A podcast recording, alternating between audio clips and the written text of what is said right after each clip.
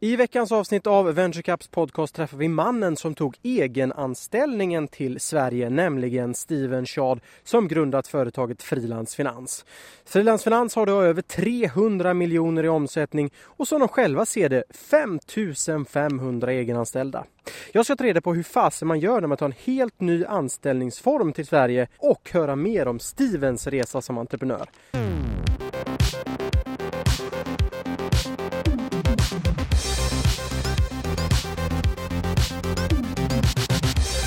Ja, då sitter vi här alltså på Frilans Finans eh, härliga kontor i Stockholm och jag sitter här med Steven Schad. Välkommen till programmet Steven! Ja, tack ska du ha. Jättetrevligt. Det ekar lite grann, vi sitter i era, era lokaler här. Jag tror att du kommer till och med få luta dig lite framåt för att annars kommer jag få kramp i armen här i denna härliga intervju. Du Steven, eh, jag har precis i en eh, påannons här till dig berätta lite kort om dig. Men, men ska vi börja där? Vem är Steven? Ja, den där frågan är lite knepig. Jag tycker egentligen kanske andra människor är bäst att svara på vem jag är på något sätt. Eh, vad kan jag annars säga då? Ja, jag är en född på 60-talet. Revolt på 80-talet. Det var ju en sån tid då. Eh, Tåström och grabbarna. Och idag då vandrat från den till eh, ja, jobba på frilansfinans. En bra resa och frilansfinans blev väl kanske för de allra flesta känt via tv-reklamen som började rulla ut för några år sedan. Eh, där det var en man som cyklade i en tandemcykel upp för, för en backe och sådär. Men berätta, vad gör frilansfinans? Eh, frilansfinans är Skandinaviens ledande egenanställningsföretag. Eh, det vi gör det är att vi möjliggör för privatpersoner att fakturera utan att ha eget företag. Det är det vi gör. Det låter så lätt när du förklarar det på det viset. Ja, ja det, det, det är kanske det som är dess styrka också, dess enkelhet. Sen ska man också säga att bakom liksom hela det här ramverket så finns det ju naturligtvis det är väldigt mycket juridik och det är mycket försäkringar och det är, ja, det, det, är många, många beståndsdelar. Fast vår roll är att göra det så enkelt som det bara går. För den personen som kommer till oss och säger att jag har behov av att skicka en faktura Eh, men vill inte ha eget företag. Då ska man inte behöva tänka på, okej, okay, ansvarsförsäkring, är den komplett? Har jag en liv och olycksfallsförsäkring? Ehm, blir liksom allting rätt rent arbetsrättsligt? Eh, blir det rätt skattemässigt? Allt det där ska vi sköta. Det, det ska bara flyta på. Så att vi jobbar bakom och så ska man bara kunna skicka en faktura. Du, ska vi backa bandet lite grann? Du nämnde här revolten på 80-talet och Tåström och grabbarna. Ja. För jag, jag, har förstått att det startade nämligen eh, kanske din egen musikkarriär. Det var så det startade en gång till. Berätta. Ja, eller musikkarriär. Jag brukar kalla det mer för konceptkarriär. eh, talangen var kanske något begränsad kan man uttrycka sig vänligt så att säga. Men hur det nu var nu utan att jag ens tänkte på det själv så jag tror det var där jag började min entreprenöriella bana. Eh, jag blev eh, ofrivilligt, eller väldigt frivilligt eh, kapellmästare då, som det så vackert heter. Eller bandledare, mm. mera heter det inom rocksvängen.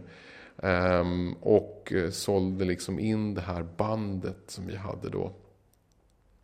Jag inte ens tänkte på att jag var entreprenör då. Men tydligen så, ja, uppenbarligen så var jag det. Och sen så har jag liksom aldrig kommit ur det där. Sen har jag liksom bara fortsatt.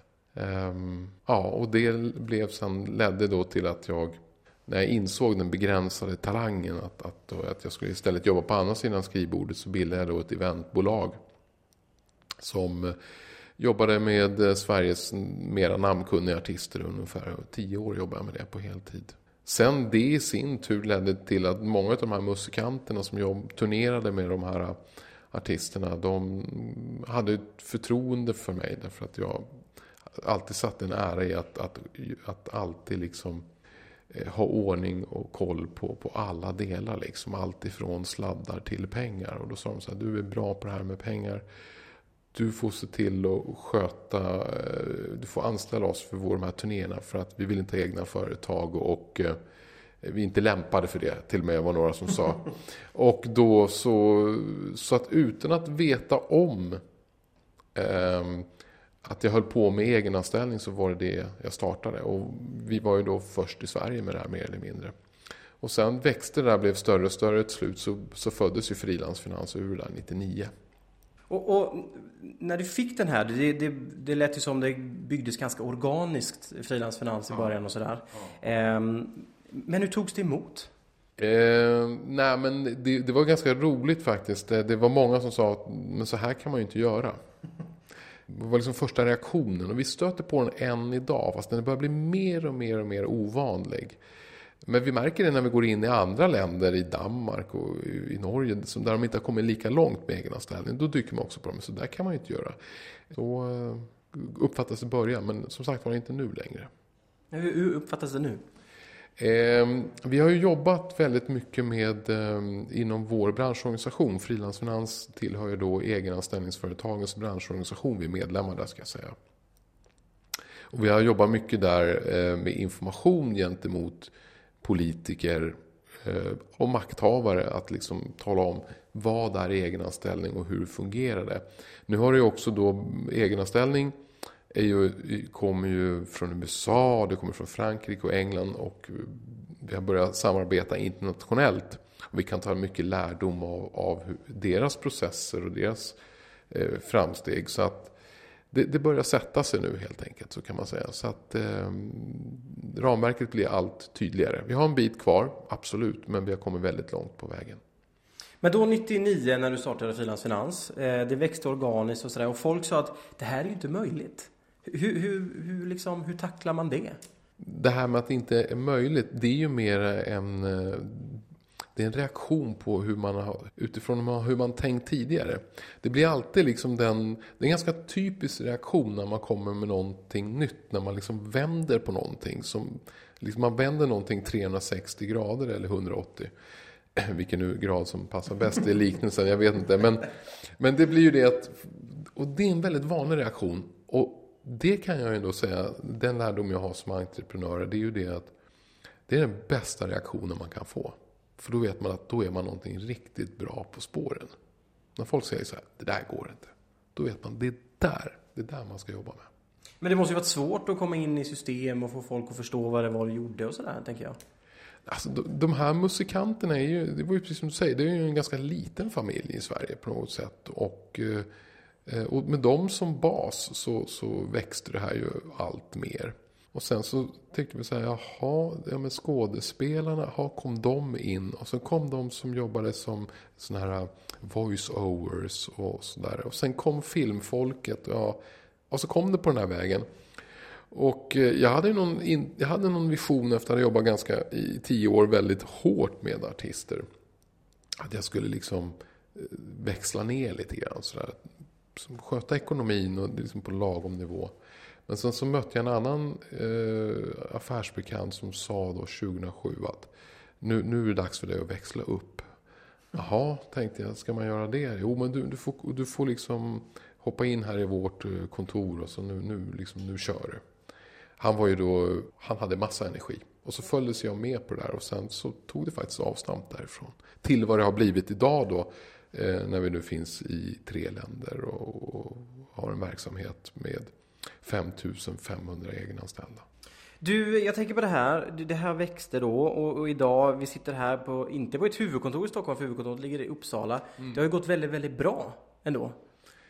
Ja, jag säger så att eh, som, eh, som svensk man är då så Ja, jag är ju inte ens det förresten, det är ju inte sant. Men jag känner mig väldigt svensk, jag har bott här länge nu. Men nej men... Eh, jag tycker man ska vara väldigt, väldigt ödmjuk. Framförallt skulle jag säga så här, det är inte egentligen, det är inte, frilansfinans är de 5500 egenanställda. Det är de som har gjort det väldigt bra. Mera än vad vi som ledning har gjort kan jag på något sätt säga. Så de egenanställda är ju, det är ju liksom framtidens hopp. De är fantastiskt kreativa. De jobbar med massa spännande, supercoola grejer. De är otroligt kompetenta, otroligt duktiga och ja, det är verkligen hopp för framtiden. Så att det här föder i sin tur nya verksamheter, nya idéer som genererar nya skattepengar till staten och som gör att vi kan ha vårt välfärdssamhälle i Sverige framöver. Jag tycker du är ödmjuk ändå. Du är ju ändå grundare av Frilansfinans. Ja, fast som man då säger inom eh, eventvärlden så pratar man om de tre T'na som den stora framgångsfakt eller som liksom framgångsreceptet och det är ju liksom det är tur och det är timing och sen ska man ha lite talang helst också. Um, och uh, ja, det, det, är väl ungefär där då. Men framförallt, det, det, det, det här är ingen one man show, så är det. det, är, det absolut så är det de egenanställda som, som är det här. De tre T'na, tur, timing och, och talang. Ja. Har du haft det då? Ja, så är det. Jag vet, jag läste att de uppfann ju mobiltelefonen på 1890-talet. Och det blev ju ingen succé för tajmingen var lite halvdålig. och dessutom var den väldigt klumpig liksom rent tekniskt. Den åkte omkring på en stor lastbil. Man behövde liksom ha liksom en långtradare för att frakta omkring den där mobiltelefonen. Men det visar ju på hur pass viktigt det är med tajmingen. Um, uh, och ja, ja, tur. Ja, man ska ha lite tur också. Alltså, det måste jag säga. Eh, det har funnits många olika varianter av Facebook innan Facebook blev Facebook. Men det var ju också det, det var ju också det här med talangen och det var tajmingen och så turet. Mm. Det är viktigt. Det, det pratar också Alexander Hars som, som ni hörde förra veckan från ett stil pratade väldigt mycket om att det krävs lite tur. Eh, och du stämmer in i den alltså? Ja, så är det absolut. Absolut. Jo, men det är, det är många pusselbitar som ska ramla på plats. Liksom. Så är det ju. Eh, med talangen så kan man ju liksom vara vaken och liksom leta efter de här pusselbitarna. Försöka hitta dem och matchmaka. Men då när du var för, för cirka 15 år sedan, du startade Frilans Finans. Det var många som sa att det inte gick och sådär. Men, men hur, bar, hur bar du dig åt då? Jag tänker, egenanställning fanns ju inte i Sverige. Nej. Jag visste inte ens om att det fanns faktiskt i, i, Jag visste inte ens att det fanns i USA, jag visste inte ens att det fanns i Frankrike och England. Vi, hade, vi liksom visste knappt vad vi höll på med. Vi bara löste ett problem. Jag fick ett problem att lösa och sen så löste jag det. Det var liksom de här egenanställda kom och sa till mig att vi, vi ja, de visste inte ens själva att de var egenanställda. De var ju liksom, de var ju liksom personer som hade liksom fått ett, ett, ett uppdrag. Och så ville de inte ha eget företag. Så sa de, ja, men du, håller, du kan det här med ekonomi. Du får lösa det här. Ja, okej. Okay. Så löste jag det liksom. När man googlar på ditt namn mm. så kommer det upp en del eh, debattartiklar mm. eh, kring detta. Hur, hur, är det ett strategiskt val att arbeta på det viset? Ja, det är det absolut. Ehm, där är det ju som så då att eh, det är ju egenanställningsföretagens branschorganisation som driver den politiska, vi kallar det för det politiska arbetet. Det innebär helt enkelt att vi ska tala om och informera eh, makthavare och politiker om egenanställningens möjlighet ehm, till att bidra till att eh, underlätta för människor att komma in på arbetsmarknaden att kunna få sig arbete. Eh, också att kunna förverkliga sig själv. För det är någonting som visar sig i undersökningar som har gjorts både i... Vi i Sverige har gjort, nu ska vi säga det är två undersökningar som egna ställningsföretagens branschorganisation har gjort. Och Frilansfinans har gjort den så finns det några utomlands. Ehm, och de här undersökningarna påvisar ju då bland annat att man underlättar inträde till arbetsmarknaden. Särskilt för unga människor är det här möjligt att komma in. Ehm, eh, och det, är en viktig lösning i den nya arbetsmarknaden. Egnaställning kommer vara en viktig del. Ehm, I USA till exempel, i Kalifornien, så jobbar eh, var tredje person som är arbetsför i Kalifornien jobbar som egenanställd. Kalifornien är också ett sånt område med mycket, eh, det är mycket film och det är mycket entertainment. Så att, ganska naturligt, men det visar ju på dess enorma potential som finns. Sen också ska man, in, tycker jag också är viktigt med egenanställning, det är att den ger människor möjlighet att förverkliga sig. Alltså att, att få göra sin grej om man säger som så. Eh, så att det är också väldigt, det, det är det är också stärkande för liksom personen. Så det är också en, det är, det är, inte bara ett nytt sätt att jobba, det är också ett nytt sätt att leva och man mår också väldigt bra i det här. Du, om vi går tillbaka till de här debattartiklarna då, ja. eh, som, som har varit en, en strategisk del i frilansfinanser. Om du inte hade gjort det, inte jobbat så, tror du, tror att det hade varit, hade du suttit här idag tror du? Ja, det tror jag absolut. Eh, därför att effekterna av det politiska arbetet det kommer att ta många, många år. Därför det det gör det är att det siktar in sig på att, att, att eh, liksom underlätta i, i befintliga regelsystem. Att det, liksom, det är liksom lite liten smörjning. Men det är ju som en riksdagsledamot jag eh, har träffat flera gånger och som, som är, är också väldigt, tycker det, ser potentialer med egenanställning. Han sa det att ja, men när vi springer i regeringskorridorerna då, och det går riktigt fort, ja då tar det tre år. Det är liksom deras tidsperspektiv och politiken och juridiken är sådana att det tar väldigt, väldigt lång tid. Så allt det arbete vi har gjort nu, det kommer vi kanske se frukten om, om två år till, tre år. Så är det ju. Um, så det, det, är ett idogt arbete som någon gång kan skördas, men längre fram i framtiden. Så är det. Och det måste kontinuerligt jobbas med det. Om man tittar på andra då som, som eh, startar upp eh, nya företag och sina affärsidéer och sådär. Är det, är det ett, ett knep du skulle vilja rekommendera att skriva debattartiklar? Det beror på lite grann vad det är för bransch. Om man är inne i en bransch som är dynamisk och som är relativt ny och där inte, liksom, där inte formerna har satt sig och där den inte är välkänd. Ja, det kan vara, det kan vara en väg att göra. Och då ska man jobba med, rekommenderar jag, det beroende på också vad man får ekonomin, med PR-byråer då i så fall. Det kan vara så. Uh, annars, ja, väldigt beroende på vad det är för bransch, skulle jag vilja säga. Mm. Är det en välkänd bransch så då finns det oftast mycket arbete redan gjort i form av lobbyorganisationer, i form av branschorganisationer som har, liksom, har krattat i manegen så det är liksom ganska utstakat. Du, eh, en annan fråga på just på googla ditt namn och i början sa det men det där går inte och sådär. Men när man googlar ditt namn så finns det också rätt mycket kritik mot Frilans Finans.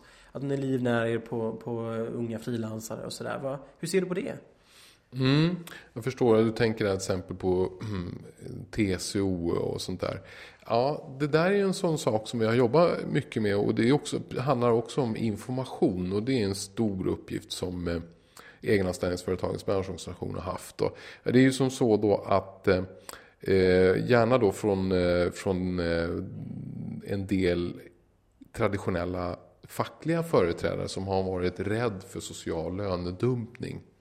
Och rädslan grundar sig i det att man har haft en arbetsmarknad som varit uppbyggd på så sätt att eh, arbetsgivaren har alltid haft kontroll över arbetstagaren. Nu är vi på väg in i ett samhälle när, när arbetstagarna får mera kontroll över sitt eget arbete. Man står inte på fabriken mellan liksom sju och fem varje dag där ledningen i bokstavligen sitter i en kur ovanför och tittar ner på golvet och liksom bevakar arbetstagarna. Och man, man har inpasseringskontroll och utpasseringskontroll och det är stämpelklockor och allt det där. Arbetsmarknaden förändras idag. Folk förväntar sig ta mer ansvar. Det är en snickare som man har, han åker ut med sin bil, han, han ser till att han är där i tid, han utför ett arbete. Grannen över staketet frågar eh, ja, kan du göra ett jobb här och han tar jobbet in till ledningen. Men, och, och det tror jag då att de här traditionella fackliga företrädarna tycker det här är väldigt märkligt när folk får eget ansvar. Eh, och folk jobbar inte fasta tider och det är mycket sådana saker. Så att jag tror att det är, en, det är en reaktion på förändringen. Man känner att oj, nu kommer en stor förändring, det är lite obehagligt, vi har inte kontroll över det här. Hela det, liksom, det arbetsrättsliga ramverket och hela, hela liksom traditionen med industrialismen som kom på 1900-talets början håller på, det håller på att ske en jättestor förändring. Så jag tror att det är en reaktion på det, helt naturligt. Men hur, hur, känns det då? Det är ju ändå din baby det här väldigt mycket frilansfinans. När, när, när man får höra sånt, hur, hur tacklar man det? Jag, jag, alltså jag förstår dem, alltså jag förstår var rädslan kommer ifrån. Eh, och jag förstår också att de, det är tyvärr ganska, det är en väldigt mänsklig reaktion att det man kan och det man är trygg i, det vill man gärna försvara. Och sen så är det ju då, det är alltid jobbigt med förändringar. Men jag tror också att de de som är kritiska, de har ju tystnat oerhört. Eh, dels för att när man väl informerar om hur det fungerar, det finns liksom ingen fog för den här rädslan om, om social lönedumpning. Egenanställda betalar ju precis på samma sätt som alla andra arbetstagare i Sverige till välfärdssamhället. Eh, betalar exakt lika mycket arbetsgivaravgifter och har samma försäkringsskydd. Allting är sig lika, förutom att just anställningsformen är tidsbegränsad. Man går in och jobbar vid en punkt och slutar vid en. Det är ingen tillsvidareanställning. Men sen kan man också säga då som så att eh, de fackliga företrädarna säger så här, ja, eh, tillsvidareanställning det är den enda tryggheten. Om man då tittar på de som har jobbat på Saab och hade en tillsvidareanställning den, den, det anställningsavtalet var ju inte värt någonting därför att Därför att eh, det går så fort i den globala marknaden. Eh, företag försvinner, företag eh, växer upp. Så att den egentliga anställningstryggheten i framtiden kanske det är att vara anställningsbar. Att kunna någonting som någon annan, en marknad eller andra människor vill ha del av. Det är förmodligen den, den, den riktiga, den verkliga tryggheten. Att, att vara anställningsbar så man kan få nya jobb. Och då är det ju som så med egenanställning är så fint att där får man ju pröva på många olika kompetenser. Så man samlar på sig väldigt mycket kunskap. För det är ju som så att man kan ju inte, man kan inte jobba som egenanställd om man inte har någon som, som vill ha ett arbete utfört. Så det har vi också sett att man samlar på sig mycket kompetenser. Och på så sätt blir anställningsbar och på så sätt har en faktisk trygghet. Jag sitter här med, med Steven Schad eh, på, på ert kontor i Stockholm från Frilans Finans. Ehm, och, och, ja, det slår mig eh, hur, hur ödmjuk du låter. Det, det känns som att säga, nej men det här det är inte jag, det är inte jag. Det är, men det är ju din baby det här. Det, du har ju 300 miljoner i omsättning. Det, det är ju wow. Ja, fast det, det, det, det, det roliga är ju liksom, det är ju kraften i det. Skaparkraften och eh, människornas Alltså de som arbetar som egenanställda, det är deras berättelser, deras, eh, deras yrkesliv. Det är det som, det är det som är det spännande. Om vi tittar på de som lyssnar. Mm. sitter här med sina affärsidéer kanske. Kan starta. Du, du, nu har du startat det här verktyget i den här verktygslådan, Frilansfinans. Mm. Vad har du för tips till dem? En bra sak det är omvärldsfaktorer. Eh, här man, man eh, studerar omvärldsfaktorer, gärna lite så här megatrendsspaningar och sånt här. Ehm, för att det handlar om, tror jag, det är viktigt att, att liksom ligga lite i framkant på något sätt hela tiden. Och det finns ju då, eh, man kan söka på nätet med de som arbetar med det här strukturerat. Det finns liksom föreningar och det finns lite lösa nätverk. Men hela tiden jobba med liksom det som kallas för megatrender och omvärldsbevakning och sånt där. För det som händer är att varje dag man vaknar upp så har ju världen förändrat sig.